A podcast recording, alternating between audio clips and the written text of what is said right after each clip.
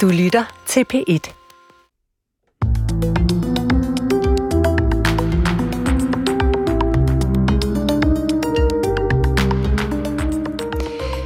Døden er over os som et fælles vilkår, og i den kommende uge vil den blive markeret ved hele tre forskellige lejligheder verden over. Hvordan får vi et mere afslappet forhold til det uundgåelige, og hvad ved vi i grunden om, hvad der sker efter den enkeltes liv på jorden er slut? Vi tager fat om døden med stort D i denne udgave af Tidsånd, programmet, der taler verden ind i troen og troen ind i verden. Mit navn er Paula Larein. Velkommen til.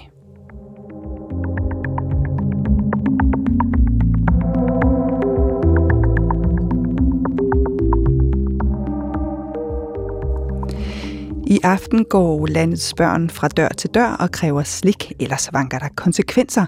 Halloween har sat sig fast nu også som en dansk tradition, og her i Tidsånd vil vi benytte lejligheden til at fejre døden og alt det, der sker bagefter.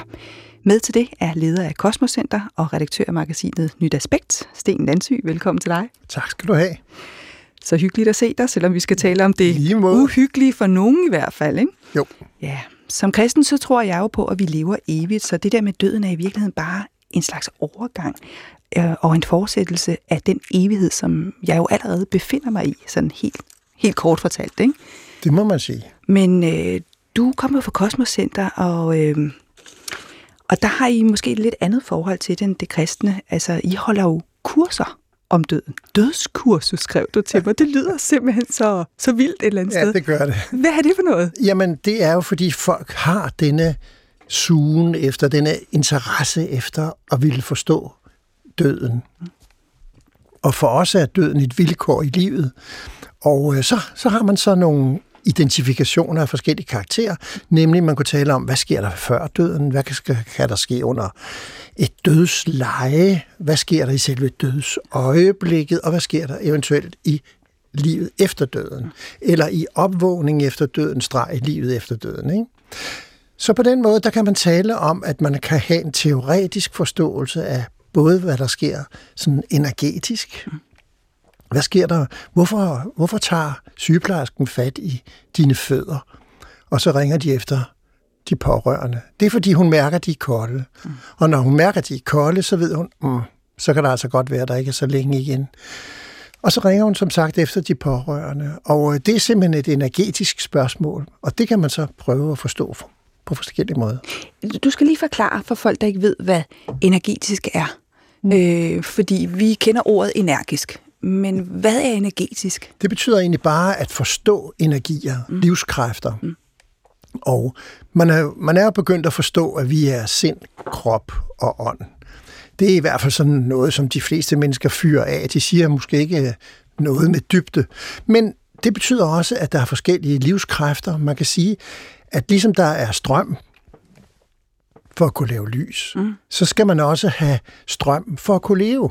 Og vi kan tale om livskræfter af forskellige karakterer. Det kan være dine tanker, dine følelser, og det kan være din kropslige energi, den der skal holde celler og organer og hele muligheden kørende.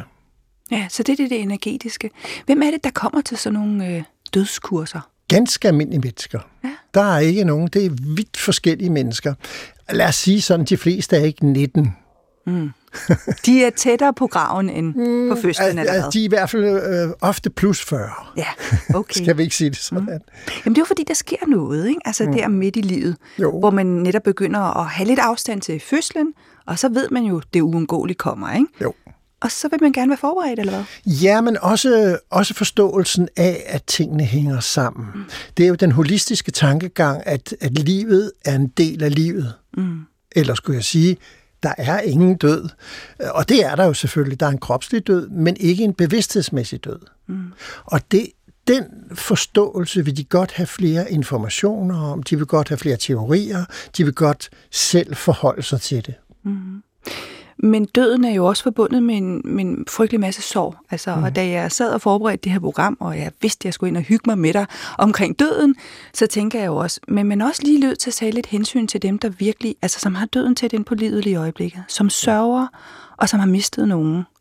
Øhm, så, så er det jo ikke så hyggeligt længere. Nej, kan du forestille dig at skulle køre to fulde dage, eller bare så her fire timer, mm. om døden? Det første, man må sige, det er ligesom, der er et tab. Der er en sorg. Der er noget, vi har mistet, og jeg går jo ind for, at vi har levet både mange gange før, og vil komme til at leve mange gange videre. Og det vil jo sige, at du også restimulerer tab. Altså, du kender det godt. Du tager dine, øh, dine nøgler, eller din tegnebog, og bliver helt febrilsk, fordi nøgler og tegnebog, de repræsenterer dit hjem, dine værdier. Det der tab, det kan du restimulere.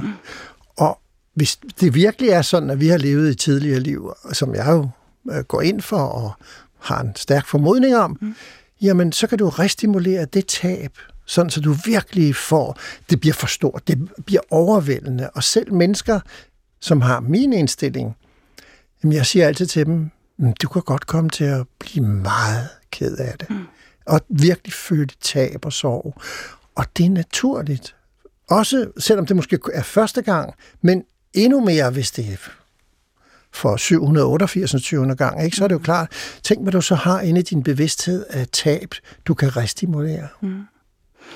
Ja, der ligger jo også en, der jo ligger en trøst i det, ikke? og det er jo også en trøst, som man, man får i kirken. Altså vi, vi tror jo på, at vi opstår igen. Og med det også, at vi opstår faktisk i kødet. Altså det vil sige, at vi kommer til at, at leve med hinanden igen. Og det mm. siger vi jo også øh, ved begravelser. Og det burde jo give en eller anden form for trøst. Men det er svært for os at forstå. Ikke? Altså mm. det der med, at, at vi lever i evigheden. Ja, det er faktisk ikke til at forstå. Nej. Man kan sige, at evighed, det er, en, det er en meget smuk tanke, det er en meget smuk følelse, men man har ikke greb om den. Vel? Man, man har ikke oplevelse af den, fordi at man netop ikke har hukommelsen. Og øh, man siger i, i holistisk øh, spirituel forstand, at når man for eksempel kommer over i en ikke-fysisk side af livet efter døden, ja, så kan man pludselig huske tre liv tilbage, og så får man da i hvert fald en vis sammenhæng, mm. i hvert fald i en kortere periode. Og, og øh, du og jeg sidder her, vi kan ikke huske noget. Ja, jeg har skrevet en bog om min tidligere liv. Det ved jeg godt, mm-hmm. men øh, faktisk var det sådan, at da jeg var færdig med at skrive bogen, så kunne jeg ikke huske mere, og jeg har ikke husket en snus siden, og det var det er 30 år siden. Ikke? Mm. Men vi kan ikke huske noget.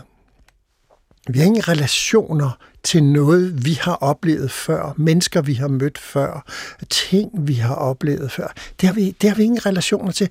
Så vi er lidt our own, ikke? Altså, vi står der helt alene, og det starter, og det slutter, og så prøver vi at vride vores bevidsthed til at forstå, jamen, hvordan er det så? Ikke? Mm. Fordi hvis man spørger præsten, jamen, hvad er der så i den åndelige verden. Ikke? Ja, bø. Ikke? Øh, hvis man spørger mig, så, har jeg, så kan jeg køre kursus i tre dage. Men stadigvæk er det jo teori. Ja. Ja, vi ved det jo ikke. Altså, det, men det vi ved fra det her liv, det, det er jo, at, at, at kærligheden er det, der forbinder os til hinanden. Ikke? Mm.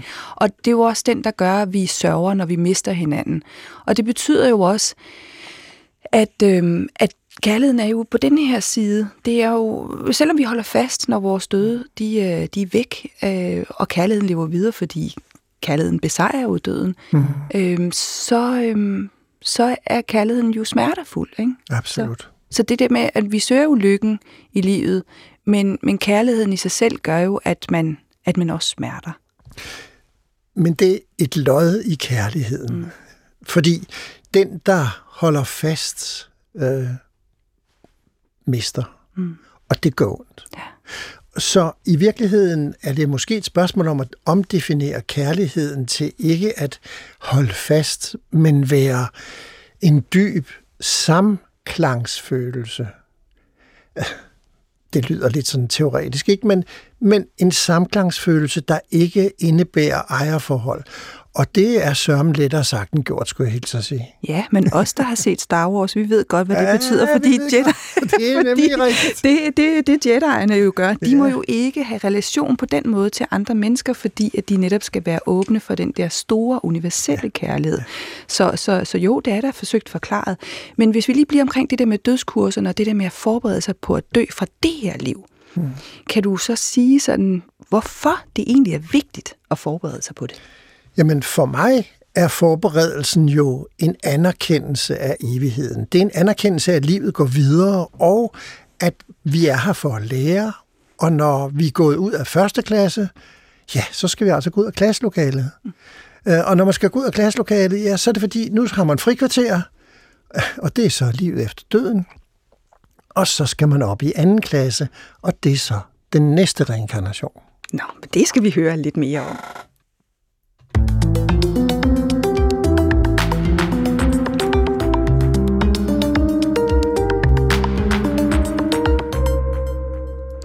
Vi er godt i gang med Tidsånd på P1, hvor vi taler om døden. Og det er ikke kun i anledning af Halloween nu den 31. oktober. Døden er evig aktuel, kan man godt sige, men allermest i den kommende uge, hvor hele tre forskellige fejringer markerer døden. Der er Halloween, som er en gammel keltisk skik, der er blevet udødeliggjort især i USA, men nu altså også i Danmark. Så er der de dødesdag, som især fejres i Mellemamerika, og den falder sammen med den katolske kirkes Allehelgensdag den 1. november, og det er så en fejring, der går over 1. og 2. november. Allehelgensdag var oprindeligt også en fejring i den danske folkekirke på den her bestemte dato, men under Struenses helligdagsreform fra 1770 blev det bestemt, at Allehelgensdag skulle fejres den første søndag i november, og det er altså først på næste søndag. Således er der hele tre forskellige fejringer af døden. Den hedenske Halloween, den katolske Allesjælesdag, som så blev Allehelgensdag, og så den folkekirkelige fejring derhjemme, herhjemme om en uges tid. Fælles for dem alle sammen er jo meget klart. Vi fejrer døden. Og øh, med i studiet har jeg Sten Landsy fra Kosmos Center, som holder dødskurser, som vi også lige har talt om. Og øhm, du har jo også et grundlag for for det, du taler om. Øhm, og du har en tekst med, mm. som er en del af det grundlag. Øhm, hvad er det for en tekst? Ja, man kan sige sådan, at der er jo skrevet fantastisk meget om døden. Øh, jeg har bare valgt et, et meget sigende stykke fra en mand, som hedder Jalal Din Rumi. Skal vi ikke bare kalde ham Rumi? Det tror jeg nemlig. Jo, han, ja. han levede 1207 til 1273, og han var poet. Og han var jo en poet, som kom til at spille en meget stor rolle, fordi i virkeligheden er der mange, der bruger hans tekster som en dør ind til en spirituel vej, mm. hvor de simpelthen bruger teksterne til at forstå livet, forstå døden, forstå hele universet. Men øh, skal vi ikke høre den om døden? Ja, og så kan vi lige tale lidt om, om Rumi efterfølgende, hvad han er for en. Mm? Død. Hvad er du? Jeg er livets skygge. Død. Af hvad er du født? Jeg er født af uvidenhed. Død. Hvor er din bolig? Jeg bor i illusionernes sind. Død, dør du nogensinde? Ja, når jeg gennemborer sig pilen fra seerens blik. Død. Hvem tiltrækker du? Jeg tiltrækker den, som er tiltrukket af mig. Død. Hvem elsker du? Jeg elsker den, som længes efter mig. Død. Hvem følger du? Jeg følger villigt den, som opsøger mig. Død, hvem skræmmer du? Jeg skræmmer den, som ikke kender mig. Død, hvem kærtegner du? Den, som ligger tillidsfuld i mine arme. Død over for hvem er du streng? Jeg er streng over for den, som ikke villigt svarer mig, når jeg kalder. Død, hvem tjener du? Jeg tjener den gudfrygtige, og når han vender hjem, bærer jeg hans bagage. da jeg læste dem igennem øh, inden udsendelsen, Sten, så, øh, så gibbede det lidt i mig i det der med, at øh, hvem tiltrækkes du af? Mm. Den, som tænker på mig. Og så tænkte jeg, uh, vi skal lave et program om døden. Leger ja. vi lidt med ilden her, eller hvad? Nej, man kan sige, at øh, øh det, jeg tror, nu er det selvfølgelig en tolkning. Mm. Jeg tror, at det betyder, at når man kommer i den situation, at man længes efter døden, når man føler sig midt af dage. Min mor mm. på 96 er lige død for fire måneder siden, og hun var midt af dage. Hun var virkelig midt af dage, og havde ikke lyst til at være her mere. Og hendes bevidsthed, tror jeg helt klart, var en, der tænkte på døden og ønskede døden. Og på den måde tiltrak sig døden. Selvfølgelig hjalp det også lidt, hun holdt op med at spise, og senere holdt op med at drikke. Ja. det, det giver ligesom det den kropslige øh, baggrund. Ikke? Men det er en af dem, men jeg synes også, at den er meget fin, den der død af, hvad er du født? Jeg er født af uvidenhed. Ja, hvad betyder det? Ja, at den, der ikke ved noget om døden, frygter den. Mm. Og øh, at, at det, at døden må komme, er fordi vi ikke forstår evigheden. Mm. Vi, vi er nødt til at forlade klasselokalet, som jeg sagde før, mm. og gå i frikvarter, indtil vi skal op i næste klasse. Fordi vi kan ikke vi kan ikke hele tiden holde ud og være i skolen. Man er også nødt til at tage frikvarter ind imellem, ikke? Altså, puha. Tænk, hvis man skulle hele tiden lære, lære, lære, lære, lære. Og det er livet jo, det er jo en belæring, kan man sige. Jo, men livet er også, altså, livet er værdifuldt, ikke? Og jo. det er det mest værdifulde i vores samfund i dag, det er jo livet. Og derfor så bliver døden jo en fjende. Ja, men det er jo fordi, at vi ikke har forstået, at vi lever videre. Mm.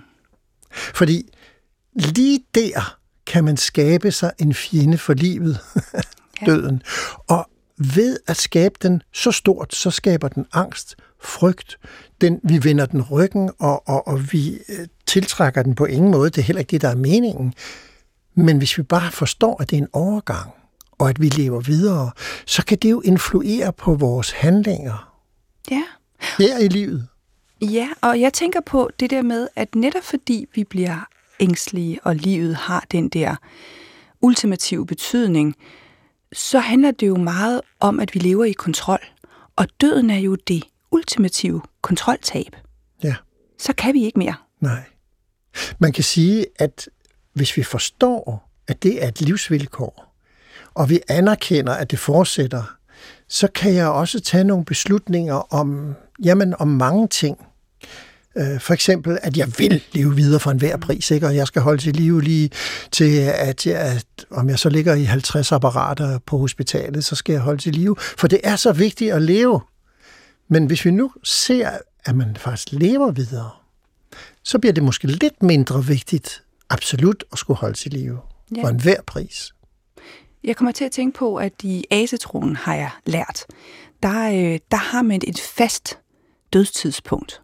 Et eller andet sted ville det jo hjælpe, hvis det var, at vi også vidste, at vi havde et fast dødstidspunkt. Altså det vil sige, at vi kan hverken gøre fra det til. Og det kan man vel også sådan se ud af, at der er folk, som øh, kravler op på Mount Everest, eller laver nogle vilde ting i livet og overlever det. Ikke? Ja. Jeg tænker på, jeg har lige set Michael Schumacher-dokumentaren. Øh, altså denne mand, som jo har levet af at lave Formel 1, og han har været i de vildeste livsfarlige situationer, så står han på ski et sted ganske langsomt ja. og slår hovedet. Ja. Altså, øhm, så vi ved jo ikke, hvornår vi skal herfra. Vi har jo ikke kontrol. Overhovedet ikke. Men det ikke at have kontrol er ikke det samme som ikke at kunne acceptere, punkt et, at man ikke har kontrol, men også at jamen, livet fortsætter, og det betyder hele tiden, at jeg må bare gøre det godt, så godt jeg kan. Mm. Og så opmærksomt og leve så meget i nuet, jeg kan, med den størst mulige kærlighed til flest mulige væsener, for nu at tage den i sin yderste konsekvens. Men der rummer også, altså det er sådan en lille trold, der siger til mig, der rummer også en, hvis man omfavner døden for meget, rummer der jo også en risiko for, at man siger, nej, jeg gider ikke det her liv. Mm. Jeg vil egentlig bare videre til det næste liv. Ikke? Men det er der nogen, der gør. Ja. Der er nogen, der ligefrem mener, at vi lever i en sådan midlertidig sag. Det handler egentlig om at dø og komme over i den åndelige verden, for det er der, det sker. Og, Men er det ikke farligt? Jo, absolut. Mm. Det, er, det, det skaber jo overhovedet ikke en tilstedeværelse og en nærvær, og frem for alt så er det i min i mine øjne, og set igennem mine briller, helt forkert. Fordi som sagt, det var i skoleklassen, vi lærte noget, og det var i frikvarteret, vi hyggede os og pustede ud ind til næste gang, vi skal igen. Så derfor er det en, en helt ja, for, for, ikke for mig rigtigt. Mm. Ja, fordi, men i virkeligheden, når du siger, at man skal lære noget, så er det fordi, man rent faktisk skal få noget ud af hvert liv. Ikke? Fordi der er en forbindelse mellem det, vi får ud af det, vi har i klasseværelset nu, og så det, den klasse, vi kommer op i. Ja, man kan sige, at vi er fuldt ud afhængige af det, vi lærer nu, fordi det er det, der bærer hele kimen for det, vi så kommer hen til i anden klasse. Mm. Så ja, det ikke alene hænger sammen, men det er en kontinuitet. Ja. Og så er det jo også noget kulturelt, ikke? fordi øh, som jeg også nævnte i den her øh, opremsning af, hvorfor vi øh, laver noget om døden i denne her søndag, øh, der nævnte jeg det her med øh, de dødsdag. Mm. Øh, og jeg tror at folk øh, har billeder fra Mexico, fordi der er lavet film om det. Jeg tror, at hele indledningen af en af de store James Bond-film handler om de dødsdag, og hvor meget de gør ud af det. Du har prøvet ja. at være med til jeg de dødsdag? Jeg ja. har været med, ja. ja. Og vi Hvordan tog, oplevede du det? Jamen, vi tog det jo over øh, og skulle til Mexico og til Guatemala på en spirituel rejse, og så var det jo logisk at lægge den lige der på de dødsdag. Mm. Og hold da op, de dødsdag starter, jamen i god tid, de tager ud på begravelsestederne, og så pynter de dem. De sætter store billeder op af de afdøde, og på selve aftenen, som jo er en festaften, hvor man næsten ikke kan sparke sig frem nogen steder for mennesker, der sidder de hele familien samlet på begravelsestedet, og så er der lavet mad. Ja, der er lavet så meget mad, så de kan spise 4, 5, 6, 7 retter nogle gange, og det er jo selvfølgelig meget individuelt, det er klart. Og så er der lys, og der er blomster, og der er musik, og vi synger for de døde, og vi har billeder af de døde. Vi får et klart kontinuitet i, i vores forhold til de afdøde. Og jeg tror da også, at der går der også nogle traumer og nogle soveelementer ind og, og bliver opløst, og plus måske gammelt had og nag og mangel på arv, og hvad ved jeg. Ja. Jamen i det hele taget forbindelsen til ens forfædre, ikke? altså forbindelsen til, til, til de afdøde, det er jo det, man dyrker der, ikke? og ja. der tror man virkelig på, man er fat i dem, at man fester sammen med de døde. Jamen de døde er med. I hvert fald langt hen ad vejen. Mm. Ja. Og øh, det der er jo, de, man tager dem næsten i hånden. Nogle gange tager de hinanden i hænderne og holder, og så er der et billede af den døde, og, og vedkommende er så med i selve kransen af, af, af sanger. Ikke? Og så synger man sammen og spiller sammen, og har klar fornemmelse af, at det her gør man for sig selv, men også for de døde. Mm. Der er et eller andet tiltalende ved, at man ligesom har det som en festliggørelse på den måde. Ikke? Fordi så kan man sige, at øh, ja, man kan godt have sin afdøde i tankerne i løbet af et år. Det kan man vel ikke undgå. Men lige en gang om året, så fejrer man dem simpelthen. Ja, mm. og kirkegården og omgivelserne bliver til bakken og tivoli, kan jeg love dig. Der er boder, og der er mad, og der er fest og stemning og fyrværkeri og lys. Frem for alt, der bliver sat lys op alle vejene. Og det er jo også meget interessant, for det der med lyset, det er jo også det, vi taler om i en spirituel sammenhæng, at vi mennesker er lys, og at lyset symboliserer bevidstheden. Mm. Ja, hvordan? Altså, men slukkes vores lys, eller hvad, når den så er ude? Jamen, det er jo fordi, vi har jo slukket deres lys, fordi de har forladt ligesom stedet mm. her. Og så tænder vi et nyt lys for dem, ligesom man gør i kirken, hvor man kan tænde et lys for, for de afdøde. Og, og, og det gør man så på begravelsespladsen.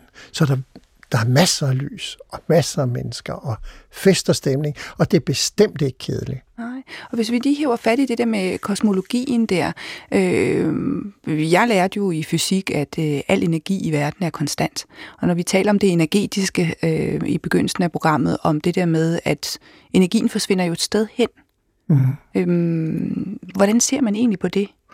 Ja, nu spørgsmålet er, hvem du spørger. Mm. Øh, skal jeg svare på den katolske kirke, så ved du svaret, kan, og den protestantiske. I den holistiske udgave, der er det jo et spørgsmål om, at vores dagsbevidsthed, altså det er den, du vågner op med hver morgen, ikke? og siger, mm. hej, det er mig, jeg er her.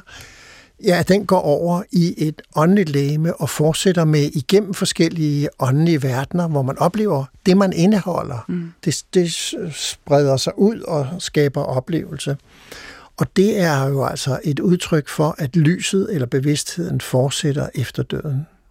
Ja, og det har man vel haft øh, tanker om altid, altså øh, gennem verdenshistorien. På mange forskellige mm. måder. Mm. På mange, mange forskellige måder. Ja.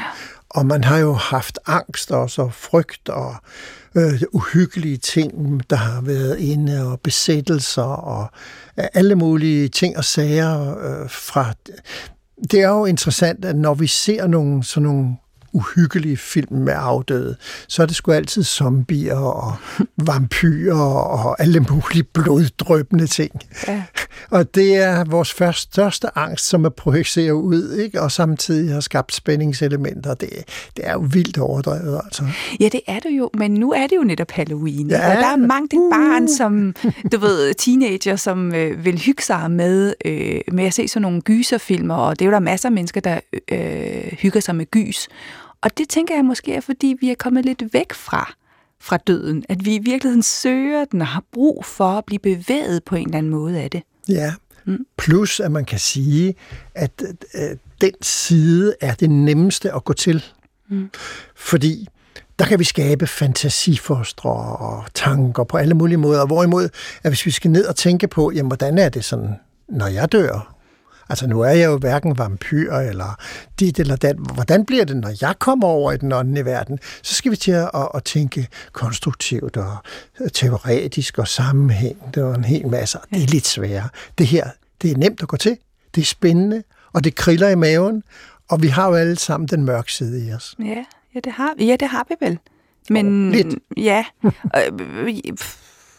Ja, og så, så tænker man på det der med, altså bliver man en god ånd eller en dårlig ånd, ikke? Altså fordi, øhm, jeg tror, der er mange også øh, lytterne ude, som hører det her program, fordi de også øh, har en fornemmelse af, at der er noget, der er noget større. Og derfor er de heller ikke fremmed for tanken om, at ånderne er omkring os. Altså, mm. de lever jo med os, og det tror du selvfølgelig også på, for du er i kontakt med dem som klaverjant, men, men, men øh, men det der med de gode og de dårlige ånder, der, når, når dårlige mennesker dør, mm. bliver de så til dårlige ånder? Man kan sige det på den måde, at de oplevelser, de har, reflekterer sig det, de indeholder. Mm. Men der er jo ingen kun dårlige mennesker. Altså alle mennesker har både en negativ side og en positiv side i sig. Og det er da rigtigt, at den negative side vil også give nogle oplevelser, men de vil ret hurtigt blive øh, forandret til de mere positive sider, fordi det ønske har alle mennesker jo. Mm. Også en dårligt menneske, de har jo også ønske om at ville opleve noget positivt. Opleve noget lys, opleve noget kærlighed, opleve noget, noget der er givende. Så det var ikke så længe i den ikke-fysiske side, før øh, at de omformer deres tanker på den måde, og dermed kommer ind i nogle nye positive oplevelser. Vi skal bare lige huske en ting. Faktisk øh, er det at have en tro og have en overbevisning, øh, jamen det er faktisk en, en, en, en hjælp i den, fordi så beder du jo om hjælp. Og da det, du tænker, kommer til at ske i den ikke-fysiske side af livet, jamen så kommer hjælpen. Mm. Og det vil sige, så er der åndelige væsener, som griber ind. Og her kan vi sagtens bruge engle, vi kan bruge skytsånder, vi kan bruge andre afdøde, som gerne vil hjælpe. Øh, kald dem, hvad vi vil. Øh, det samme proces, nemlig hjælp. Ja, og det er jo samme proces, som man gør som kristen. Altså hvis ja. man tror på Jesus, altså så, øh, så er det jo ham, man beder til øh, for at få en eller anden form for hjælp. Men der ligger jo også, fordi der har vi jo masser af skrifter og masser af erfaringer osv., der ligger en hel teologi med et korrektiv i til, hvordan man bedst bliver et godt menneske. Altså hvordan vi skaber Guds rige allerede her, hvor vi lever. Øh, men jeg tænker, folk uden et korrektiv, øh, er de så bare ledet af deres egen lyst til at opleve egen lykke selv, eller hvad? Ja, og oplevelser, alt hvad du indeholder, det projicerer sig ud, og det vil sige, du har de almen menneskelige ting. Jeg ønsker kærlighed, jeg ønsker samvær, jeg ønsker øh, idéer, tanker, øh, skabelser, jeg ønsker følelsesmæssige relationer. Alt det der, mm. det er det, du kommer til at opleve, for det er det, du indeholder. Og, og selvom du så ikke har nogen tro, eller nogen overbevisning, eller noget, så må man jo konstatere, når man stadig oplever, at der er et liv, jamen så begynder man også at forme det liv. Og når man så opdager, at det liv, man former, gud, det er det, jeg indeholder. Hold da op. Det er det, der kommer ud her i denne verden. Men så begynder man at faktisk jo se sig selv igennem det, man oplever. Men det kræver jo en eller anden form for bevidsthed, og det er det, vi måske har været lidt inde på. Det der med, at i vores kultur har vi ikke været så gode til at omfavne døden og tænke over det evige liv osv. Så, videre. så det kan være, at vi ikke har fået så meget med altså i den her klasse, om jeg så må sige, jo, som vi burde, eller hvad? På den anden side, så er der jo også sportsklasser, ikke? Altså, mm. vi, vi har jo også sport i, i skolen, ikke? Ja. ja, og så farer vi rundt øh, og tror, at kroppen er, er det hele, og bevidstheden ikke eksisterer. Så begynder vi at få psykiske problemer. Nå, så opdager vi, gud, jeg har også nogle tanker og nogle følelser, og de skulle ikke altid lige sådan, som de skal være, vel? Ja. Så, så man kan sige, at i hver klasse er der et schema, og på det schema er der forskellige belæringer. Nogle er kropslige, nogle er relationsmæssige, og nogle er kærlighedsmæssige, og nogle er guddommelige. Mm. Ja, så på den måde er vi jo også forskellige. Vi var jo inde på det der med Mexico før, øhm, og der er jo mange kulturer, som har tradition for døden, fordi det har været et vilkår alle dage, altså, så det vil sige, der er også skrevet en masse, både Rumi, som du læste op før, men øh, vi skal til Kina den her gang, og vi skal meget langt tilbage, endnu længere tilbage end Rumi i 1200-tallet. De gamle kinesiske digters forhold til døden er præget af enkelhed, melankoli og uendelig skønhed. Katarina Levkovic, min kollega, har sat en lille suite sammen til os med kinesisk lyrik, hvor det ældste stammer helt tilbage fra før Kristi fødsel. Et bære af vin, der tømmes, en hest, der drejer af vejen og forsvinder i tågen, og drivende lotusblomster på søens spejlblanke vand. Overalt er døden til stede på en helt naturlig måde, som en længsel og en fred.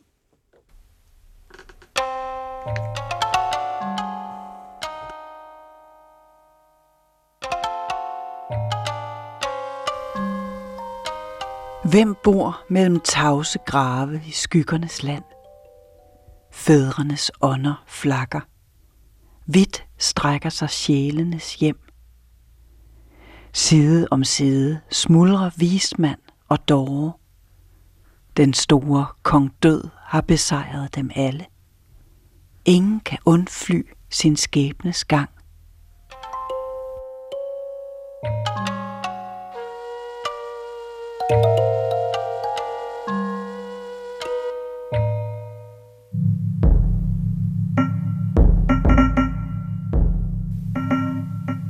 Nådige herre, skænk ikke mere vin i mit bæger. Jeg vil synge sorgens sange for dig. Nu er tiden inde. Dine gæster støjer ikke muntert, som de gjorde før. Tulipanen fælder sine blade, og mit hjerte taler sandhed. Hør. Nådige herre, slot efter slot er dit. Kriger ejer du, kvinder, duftende vin. Jeg har bare en lut og nogle bedre sange.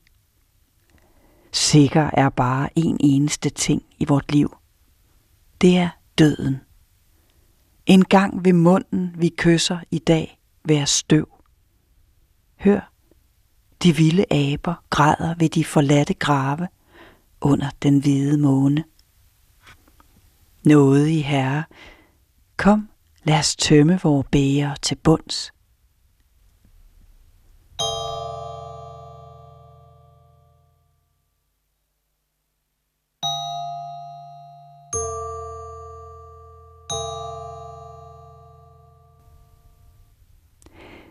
Jeg ser en skildpadde hvile under en lotusblomst. En fugl, som bygger rede blandt bambus og siv. Færgemandens datter ror sin lille båd. Hendes sang flyder bort med strømmen.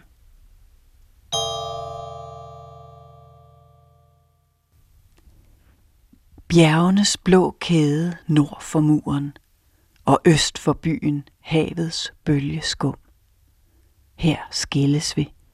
Du bæres bort af vejen, som strømmen fører lotusbladet med sig de hundrede af mil. Jeg skal tænke på dig, når skyerne drager forbi, hvis du vil mindes mig i solnedgangen. Vore hænder vinker til farvel. Af og til vrinsker min hest i stilheden.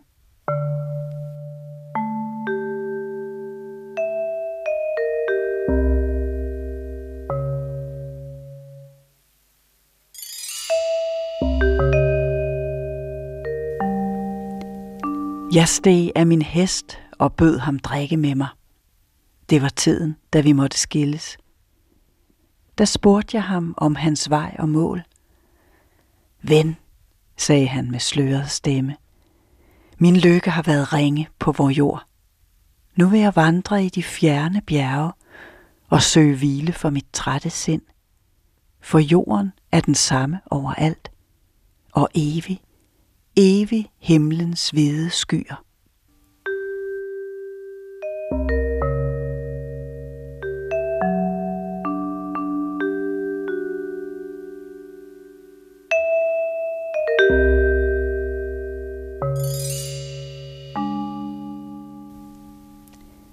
Du spørger mig, hvad min sjæl søger i himlen.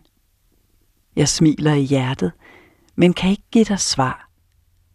For ligesom ferskenblomsten lader sig bære af strømmen, sådan bæres også jeg til en verden, du ikke ved om.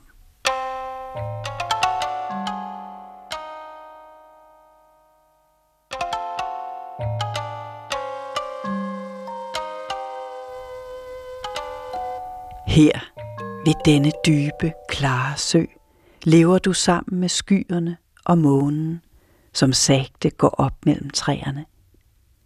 Du hviler i blomsternes skygge under dit tag af strå. Duk våde urter dufter i moseengen. Herhen vil jeg søge fra verden og synke til ro som du blandt traner og fønixfugle på bjergene i vest. En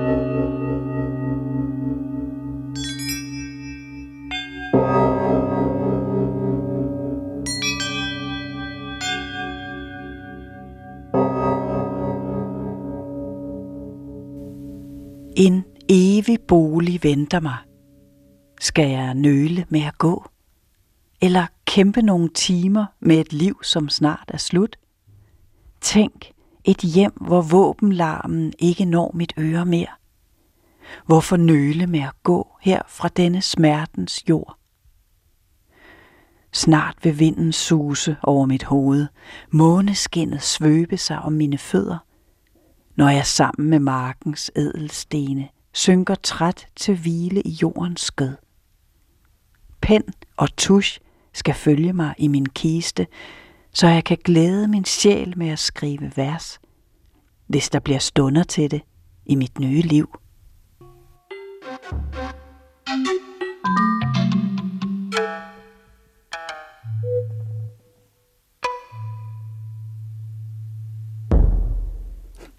Ja, bum.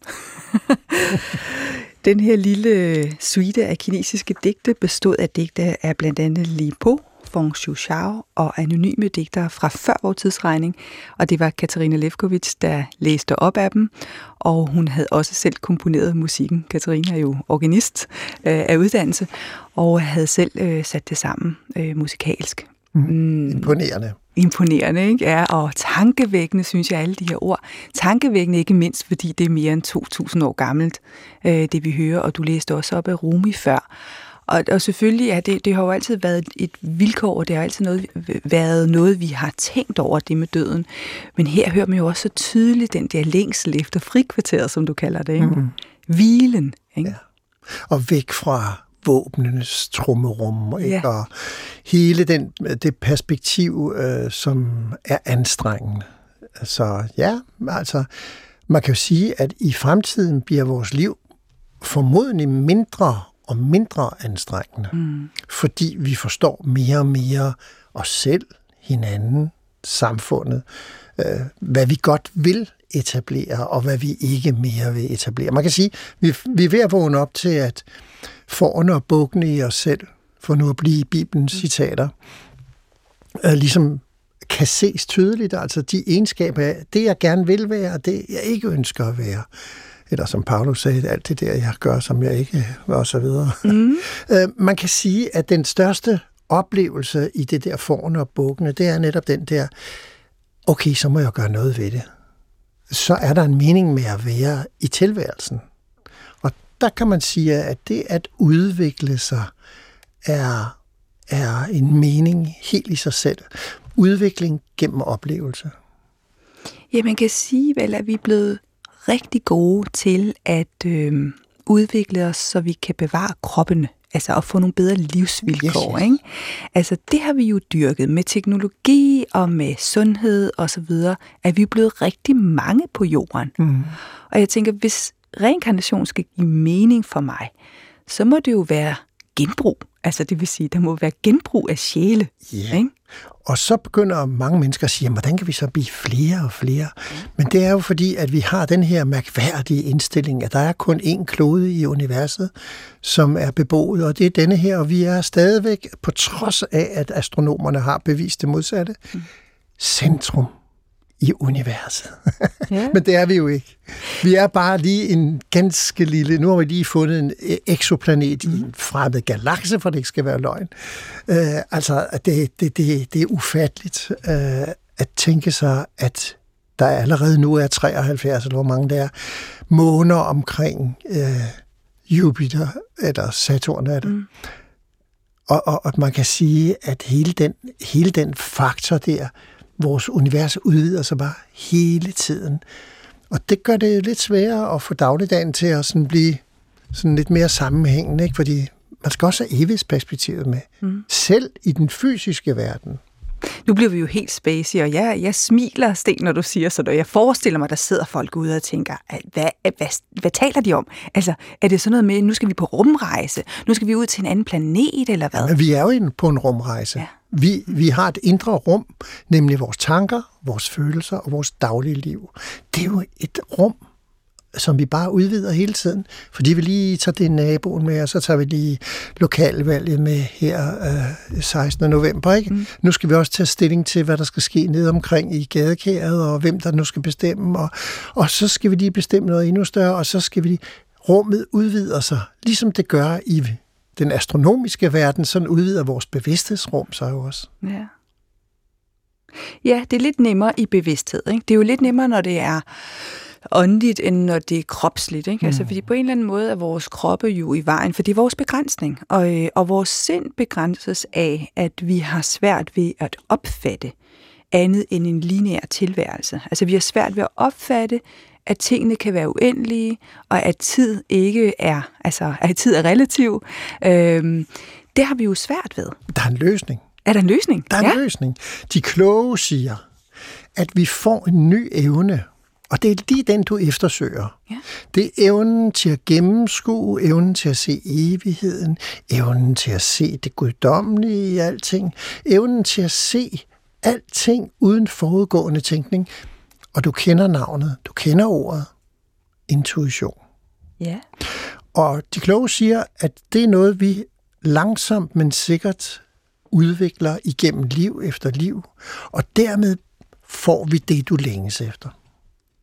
Åh, det lyder godt, Sten. Det er jo et godt perspektiv, men man kan sige, det har jo taget noget tid. Ikke? Altså, i, et, I et menneskes liv er 2000 år jo rigtig lang tid. Ikke? Og folk spørger, hvornår kommer det der Guds rige? Og... Ikke i evighed. Nej, evigheden er nej, der er det jo meget kort tid. Det skulle også sige. Det er jo rela- tiden er jo relativ. Ikke? Men, men øh, hvad er det, de kloge siger? Det er ved at ske lige nu, eller ja, hvad? altså man mm. kan sige, at du kender intuition igennem at idéer. Mm. Du får en idé til en program, til ja. en udsendelse, til et eller andet, eller til noget kreativt, du vil lave derhjemme, eller noget, du vil gøre med familien, eller noget, som du gerne vil skabe i papir, eller i farver, eller sådan direkte. Idéer er allerede intuition. Men det er sådan sporadisk pop-up ting. Prøv at forestille dig, at den evne langsomt bliver en mere permanent evne hos dig til at gennemskue dine egne livsprocesser, dine egne tanker, dine egne følelser. Meningen, selvom det kan man sætte lidt spørgsmålstegn med, men meningen med, hvorfor du lige skal opleve dit eller dat, eller i hvert tilfælde, hvad du skal lære af det, hvad du kan bruge det til. Mm. Og den intuition, det vil jo ændre kolossalt på din livsretning. Du kan pludselig se, at der er en livsretning, i stedet for, som vi gør, sådan lidt på må og få, ikke? Altså, vi gør det, vi nu synes er bedst, ikke? Men jeg troede, det var sådan en alders ting. Fordi jeg troede, det var, fordi jeg var blevet 50, at jeg var begyndt at se sådan nogle ting. Altså, men du siger, det er, sådan, Jeg det er har fordi, vi er ved at udvikle os. Jeg har Ja. en dårlig nyhed. ja. Hvad er den dårlige nyhed? Ja. Den dårlige nyhed er, at det ikke er aldersbetinget. Nå. Fordi så ville det være så dejligt, fordi jeg er i 70'erne, og nej, hvor ville det være godt, men det er en dårlig nyhed. Nej, det er en personlighedsudvikling, og den er livsbetinget. Og med det, der taler jeg om flere liv. Ja. Men vi kan vel gøre noget, ikke? også i det Jo. her liv, ikke? for at, at, at, at stille os sådan, så vi er bedre Ja. i det næste liv. Det eller? Ja. Hmm, Man kan sige, at udvikling, det er jo at udvikle dine tanker Mhm. og dine følelser. Balance i følelserne, balance i tankerne. Så giver du den bedst mulige grobund for intuitionen. Men der er altså en faktor mere, og den er ikke altid lige i dine hænder. Øh, man siger inden for personlig udvikling og øh, holistisk øh, åndsopfattelse, at lidelseserfaringerne har også en, spiller også en rolle. Altså man kan sige, at du skal have erfaret noget. Og du ved godt, at øh, hvis du får de højre knæ, ja, siger du så, ja, det går nok over, ikke? Og, og, og, sådan. og til sidst må du så gøre noget ved det. Og på samme måde er det jo i livet. Der er nogle ting, man først får gjort noget ved, når, når det er så slemt, så nu skal man altså gøre noget ved det. Men du har fået en erfaring.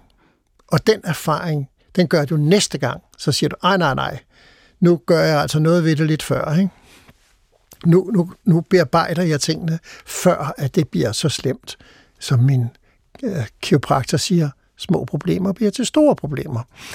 Ikke? Og, og, og så når du at for, forvandle dig selv og din opmærksomhed mod det, og du gør det så godt du kan. Og det er jo udvikling, og jo mere du afbalancerer dine følelser og dine tanker, og jo mere du har erfaret, jo mere intuition, siger de kloge, at vi får. Ja, og jeg, når du siger det, så kommer jeg også til at, at vente om til sådan den, den positive erfaring. Det der med, at man finder ud af, at lykken er momentvis. Den der gode, dejlige følelse, vi kan have mm. hele kroppen på en gang, hvor vi Yes. slipper bekymringer for livet og så videre, når vi står ved en vejkant og ser den smukke blomst, øh, og, og fyldes øh, op af kærlighed og glæde og så videre, så bliver man jo god til at søge de der momenter, hvor sådan noget opstår. Længselen Ja. gør, at du søger dem. Men årsagen til, at du kan opleve dem, ligger bagud som erfaringer. Mm. Så man kan sige, at når du opdager, hvor fantastisk det er med blomsten og øjeblikket, og livsglæden, og glæden over livet, og glæden over dig selv, så har du jo nået en erfaringspunkt. Og det kan du så tage frem igen og igen. Og jo mere man øver sig i noget, jo bedre bliver man til det. Og det er jo det, der sker gennem et liv. Altså, fordi nu taler jeg bare om det enkelte liv, og ikke dit tidlige liv. Fordi, kender du det der med, at man kan huske tilbage til dengang, man var øh, 8-10 år gammel, mm. og ens forældre sagde, prøv at kigge på landskabet, se hvor smukt det er. Og man kigger ud, og man tænker, hvad? Ikke? Altså, det synes man jo Der ikke er noget. Der er ikke noget ishus. Ja, præcis. Fordi det er den erfaring, man har, det er glæden ved isen. Ikke? Øh, men, men når man når sådan, øh, for eksempel min alder, hvor jeg er 51, og ser det her efterår, ikke? badet i solskin, og med bladene, som bliver de der gyldenbrune farver, altså jeg bliver nærmest helt rørt og bevæget over det. Jeg har oplevet det, jeg har erfaret det år efter år, men først nu er den der dybe værdsættelse, hvor man føler lykken i det. Hvad er det? Det er jo erfaring på erfaring på erfaring på erfaring, på oplevelse på oplevelse på oplevelse på oplevelse. Og når man øver sig i noget, så bliver man god til det. Det er en evne, du har etableret. Og den evne vil fortsætte i de kommende liv, ifølge de kloge. For nu at blive ved med at bruge Ja, det udtryk. det er kloge, men er de der kloge? Ja, fordi, jamen, det er jo at, nogen, der har skrevet tykke bøger. Ja, om den slags, ikke? Det er Theosopher og Martinus, den danske filosof. Det er, jamen jeg kunne jo nævne 5.000 mennesker. Øh, Du har jo faktisk lige hørt nogle af dem allerede fra den kinesiske filosofi, taoismen. Ikke? Ja. Vi kan gå til daoismen, øh, som er noget af det samme, øh, og vi kan gå til, til veddagerne, de elskendte skrifter, som findes fra de nordindiske traditioner, som var først mundtlige og senere blev skriftlige. Jamen, det står det samme alle steder. Ja. disse erfaringer, det er dem, vi udvikler os igennem. Og der er jeg nødt til at tage fat i, sådan, det er lidt sådan meget debatteret emne lige i øjeblikket af astrologien. Den er ligesom på en eller anden måde kommet tilbage, og den bliver jo skældt ud ikke, som noget kættersk vrøvl og, og så videre. Men astrologerne har jo også sagt det gennem mange år. At vi går ind i, i vandmandens tidsalder. Hvad betyder ja, det? altså vandbærens. Vandbærens, tid. undskyld. Ja, og, og, og øh, det er jo så 2.300 år, vi taler om. Mm. Så du kan nok regne ud, man går ikke ind i den onsdag eftermiddag, vel? Det kan vi godt være enige om. Mm. Vi kommer fra fiskens tidsalder, som var 2.300 år, og det er jo meget sjovt, fordi hvis vi kigger på kristendommens tegn, mm. så er det jo fisken. Øh, og når to store øh, skal vi kalde det, årtusind ting går ind over hinanden, jamen, så er det jo klart, så starter det ikke onsdag eftermiddag, vel? Så det er måske startet for halvanden hundrede år siden. Men vi går mere og mere ind i en ny tankegang. Og det er jo meget sjovt, fordi vi, hvis man kigger det, så siger den døden, seksualitet og øh, så øh, samfund og samliv og relationer. Og hvad er det for nogle emner, vi har oppe? Ja, bare i denne her udsendelse. Mm. Et af dem, ikke? Det er simpelthen det, som bevidstheden skal lære og relatere til. Ja. Vi går også fra tro til viden. Mm. Vi går fra erkendelse, eller fra formodning til erkendelse. Mm. Vi, vi går fra instinkt til viden, og så skal vi bare gå næste skridt, det hedder så visdom, ikke? Ja. Fordi instinkt, viden, visdom og vi, vi vil vide nu, vi skiller alting ad, ikke? Vi skal se, hvordan det hænger sammen, vi skal, så vi kan sætte det sammen på en ny måde. Ikke? Men i visdommen, der kommer følelsen og kærligheden og evigheden også ind. Ja. Så det er næste skridt, og det er vi, har vi taget hul på. Det er så spændende. Det lyder godt, Signe. Jeg synes, det lyder enormt optimistisk. Øhm, uanset hvad, så øh, døden, som er jo vores hovedtema her, det, det er jo forbundet med et farvel. Det må man jo sige. Øh, I hvert fald til det her liv. Og her til slut, der øh, skal vi høre lidt fra en af vores tids elskede forfatter, søfaren, eventyren Troels Kløvedal, der døde i 2018. Han kunne om nogen sætte ord på sin dybe kærlighed til livet og verden, og noget af det sidste, han skrev i erindringsbogen Alle mine morgener på jorden, er en lille passage, hvor han beskriver døden, som han længes efter, som vi har været inde på nogle gange her. Troels Kløvedal var på det tidspunkt alvorligt syg af sygdommen ALS, som jo er en rigtig, rigtig øh, modbydelig sygdom, og var nødt til at sluge ankeret, som man siger på sømandsbrug, når man går i land i den sidste havn. Det er Katarina Levkovits, som læser op.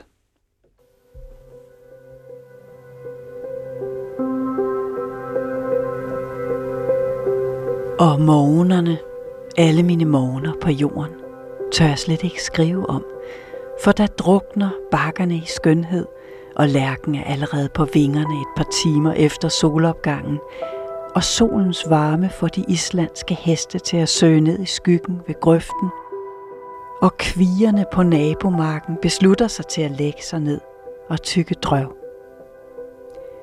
Når man bliver dødelig syg, spørger mange mennesker, om man er religiøs – det er jeg ikke, selvom jeg har mødt alverdens religioner og sat mig rimelig godt ind i de fleste. Jeg har altid haft en stor glæde ved de naturvidenskabelige forklaringer, som har været rige i min levetid. Hvorfor er himlen blå? Det gav min første navigationsbog den smukkeste forklaring på. Jeg tror, man falder som et gammelt træ i skoven – og det giver en lysning, hvor nye skud kan gro op mod solen.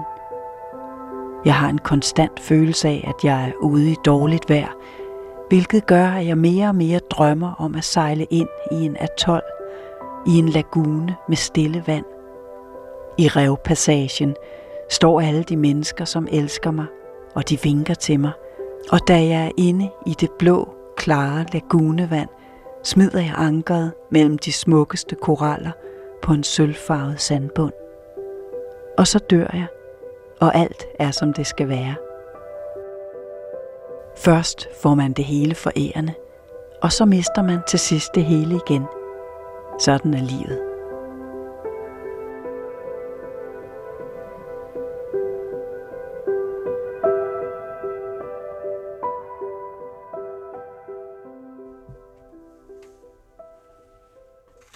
Ja, sådan er livet. Man får det hele foræret først, og så mister man det igen. Ja, poesien og ordene, de er jo udødelige. Og øh, det er jo kærligheden til Troels Kløvedal jo også. Ikke bare hans familie, men alt det, han har efterladt sig. Øhm, hvorfor skal han så komme igen, om jeg så må sige, kunne man forestille sig? Han har jo efterladt en evighed her. Det må man sige ja til. Mm. Og med det indtryk, han har efterladt, kan andre få gavn af det, han har stået for. Men han har jo en personlighed. Han har et menneskeligt, øh, skal vi kalde det bære, der skal fyldes op med nye impulser, nye oplevelser, nye kærligheder, nye sorger, nye glæder, frem for alt ny erfaring. Mm. Og øh, ligegyldigt hvor afklaret et menneske kan være over sin egen situation, så er jeg sikker på, hvis man havde stillet ham spørgsmålet, har du nogle ting, du gerne ville gøre bedre næste gang? Eller har du noget, du gerne vil arbejde med i din bevidsthed? Og jeg tror, at svaret vil blive, ja, det tror jeg godt, jeg kunne lave en lang liste over.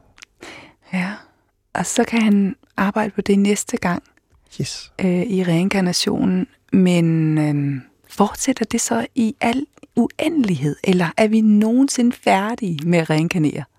Ja, vi er færdige med at reinkarnere fysisk, mm. men vi fortsætter altid med at inkarnere, hvilket så ikke er ikke fysisk kroppen, mm. men bare i åndelig materie.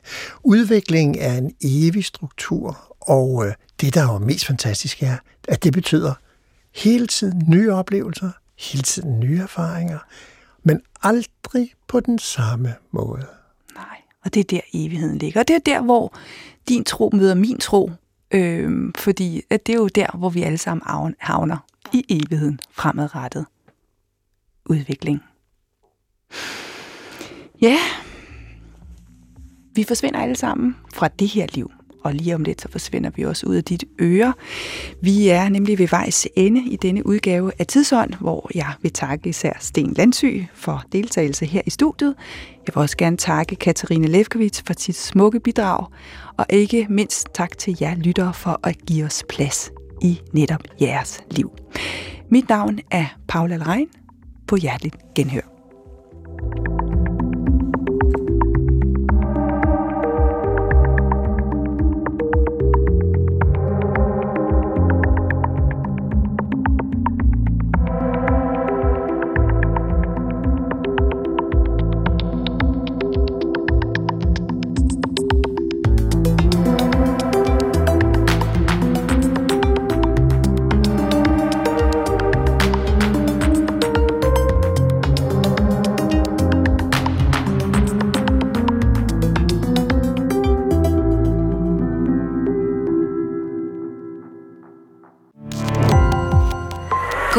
Opdagelse i alle DR's podcast og radioprogrammer. I appen DR Lyd.